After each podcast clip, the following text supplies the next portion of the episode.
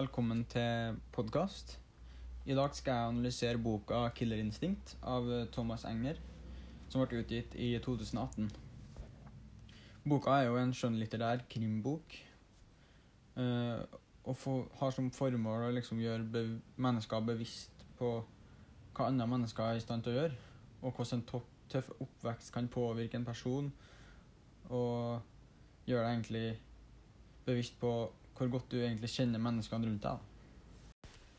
Eh, Bare for å oppklare én ting før jeg begynner å beskrive motivet i boka, så er IMO en forkortelse på navnet Ivar Morten, som er onkelen til hovedpersonen. Eh, I boka så møter vi Even på 18 år. Han går i en dyp depresjon når kjæresten hans, eh, Mari, dumper han. I etterkant av at han blir dumpa, så skjer det to drap på skolen etter en skolerevy. Og Mari en av de drepte, og da blir jo selvfølgelig Even en av de mistenkte.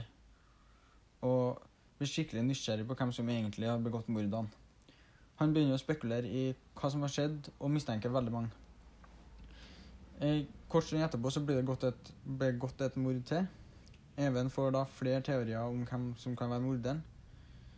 Eh, han er hjemme hos, hjemme hos onkelen sin hele kvelden og blir derfor ikke så mistenkt i den grad.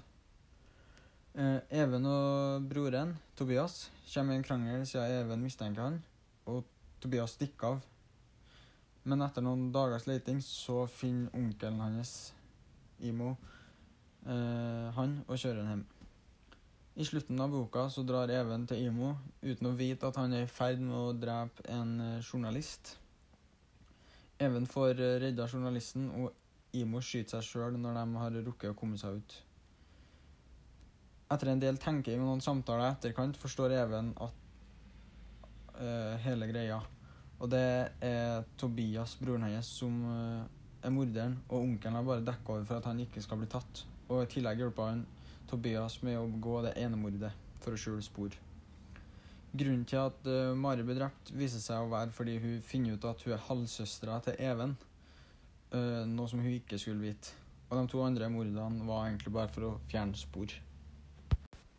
Temaet i boka vil jeg si at er mord i nære relasjoner. Eh, Budskapet mm, er mer Kan du egentlig stole på menneskene du har eh, rundt deg? Over på virkemidlene i boka. Eh, Det blir brukt en del sammenligninger.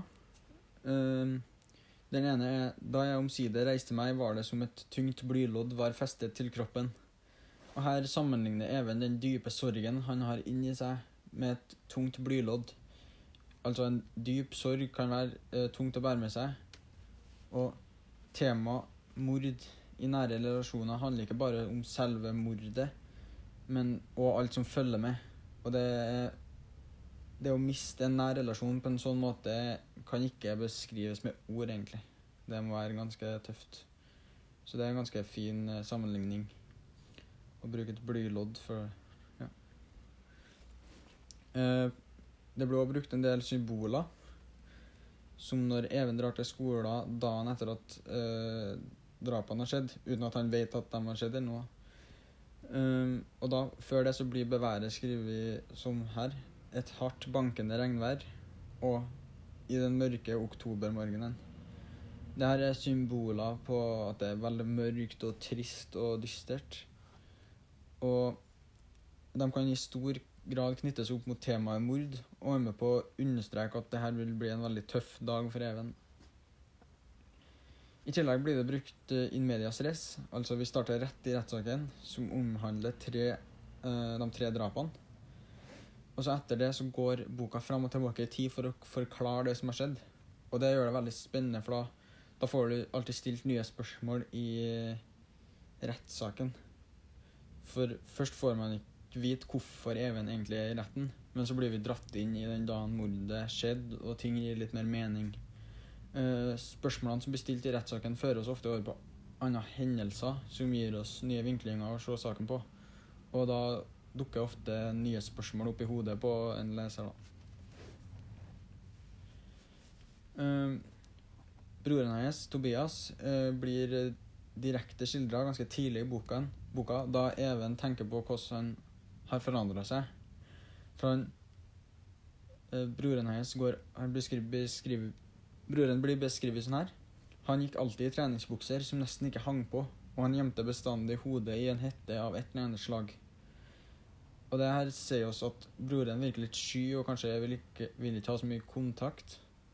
Og det gjenspeiler seg veldig når vi får vite at han sitter mye på rommet og gamer eller spiller videospill. Eh, ja. At han liksom vil uh, liksom holde seg litt unna andre mennesker, egentlig. Noe som kan uh, begrunne hvorfor han holder seg litt unna. Det er jo kanskje fordi han, vi vet at nå at han har drept Mari og de to andre, og at han derfor kanskje vil holde seg litt unna alt som skjer. Boka har personal synsvinkel, altså og førstepersons forteller. Eh, Det syns jeg er utrolig viktig for å få historien til å bli spennende. Eh, Det som boka også er veldig flink på, er å bruke replikker i tillegg. Altså ha dialog mellom eh, de forskjellige karakterene. Og replikkene gjør at man får litt fra det andre sine, sitt syn på saken, og ikke bare Even sitt.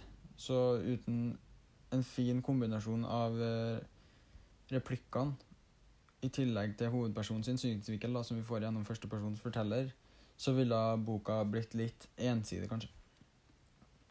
Og vi har da mista litt eh, det forholdet til de andre personene i boka òg.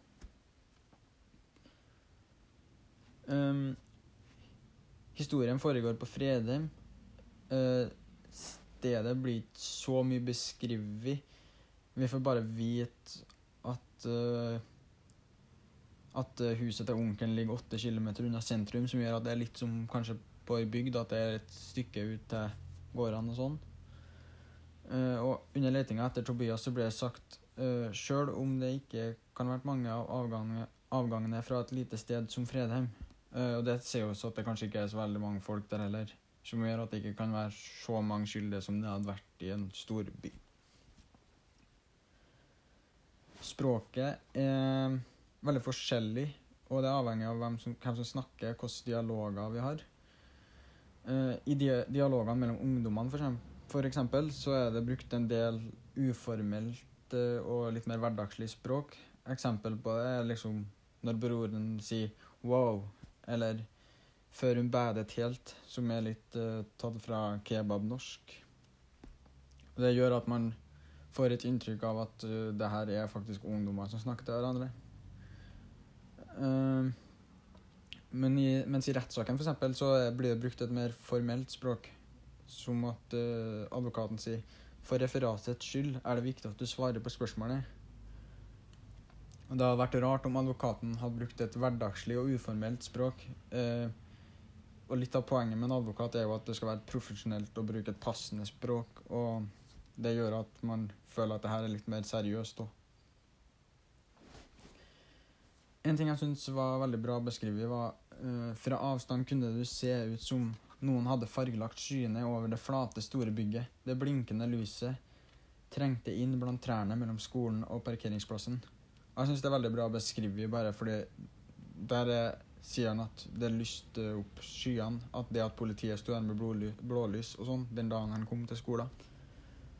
Og det sier jo også at det mest sannsynlig har skjedd noe alvorlig. Da blir vi jo nysgjerrig på hva som skjer der, siden det så mye lys. En ting som jeg syns var litt artig beskrevet, er når Even prøver å kaste opp etter å få vite at det er Mare som er død. Og da er det sånn her Jeg bøyde meg framover for å kaste opp, men da jeg åpnet munnen, kom det ingenting. Bare tørr, ekkel luft, smaken av gammelt, hekke, gammelt havreknekkebrød og meierismør blandet med tannkrem. Det er en artig måte å beskrive noe så hverdagslig, på en måte, oppi noe som er så dypt og trist og mord og hele pakka. Ok, så for å runde av så skal jeg snakke litt om hva jeg syns om boka. Eh, Jeg fikk jo en del blanda følelser, og tenkte underveis i boka på hvor vanskelig det må være å miste noen så nære når du får høre alt Even går og tenker på.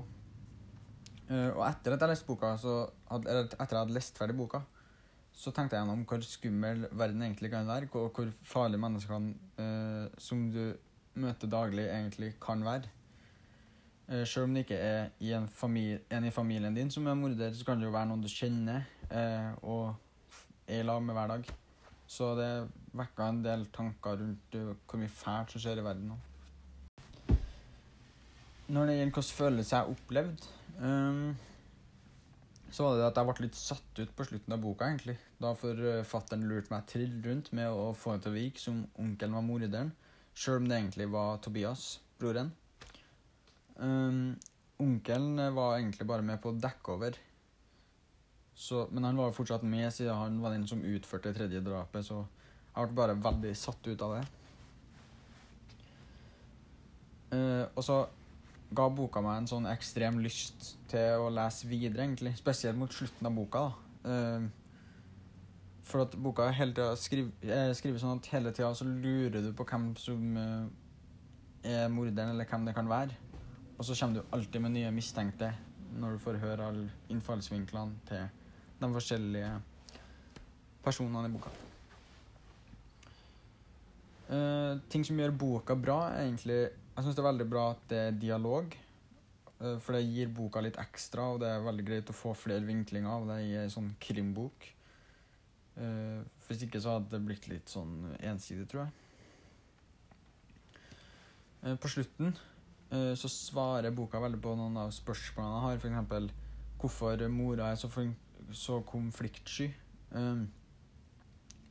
For det, det, er noe som er der hele historien, at hun prøver å holde seg litt unna. Men det gir ikke mening for slutten, når du får vite at det er fordi faren til Even som døde eh, for mange år siden, har vært utro, og ja Så derfor hun Mari er halvsøstera til Even. Derfor er mora en ganske konfliktsky person. Um, det som gjør boka mindre bra eh, Personlig så syns jeg boka ble litt for urealistisk med tanke på ting som skjedde. Uh, Sjøl om sånn handlinga eller motivet i boka var bra, så virka det som noe av det som ble sagt og gjort, var litt for oppdikta og urealistisk. F.eks. det er litt urealistisk at Even snakker så lite med vennene sine som han, som han gjør. For på hans alder som, så er det greit å få snakka med dem som er like gamle som han, for å finne flere svar. Um, bokas tema kan jo knyttes opp til i dag, uh, fordi drap er relativt vanlig egentlig i dagens samfunn. Ofrene og gjerningsmennene har jo pårørende, og det er derfor flere som kanskje kan kjenne seg igjen i det å miste et familiemedlem pga. drap og sånt, og at man må passe seg litt, kanskje. At det er mye forskjellige mennesker i verden. Og liksom, om temaet og budskapet er relevant for ungdom i dag, eh, så vil jeg si at det er veldig relevant. For i flere miljø blant ungdom så hører man stadig om knivstikkinger og sånt. Eh, spesielt nå, nå om dagen, mm, hvor det er så mye narkotika og kriminalitet som foregår. Eh, jeg syns det er et skremmende at samfunnet vi lever i, spesielt blant ungdommer, har blitt, så, blitt sånn at man kan få så lett problemer om man havner i feil miljø. Og Derfor mener jeg at det er viktig at man er litt kritisk til de folka man har rundt seg, og ikke gjør dårlige, ikke gjør dårlige personer eller personer du ikke stoler på til nære relasjoner. uh, bare litt om de ulike virkemidlene i boka, og hvordan de har en liten sammenheng. Eh, det at boka starter i medias res, eh, sammen med at språket og dialogene fører til at vi får mange vinklinger på drapet og etterforskninga rundt det, det syns jeg er en fint sammenheng mellom dem to. At de, de eh, får fram veldig mange fine vinklinger, både fra rettssaken og de andre personene.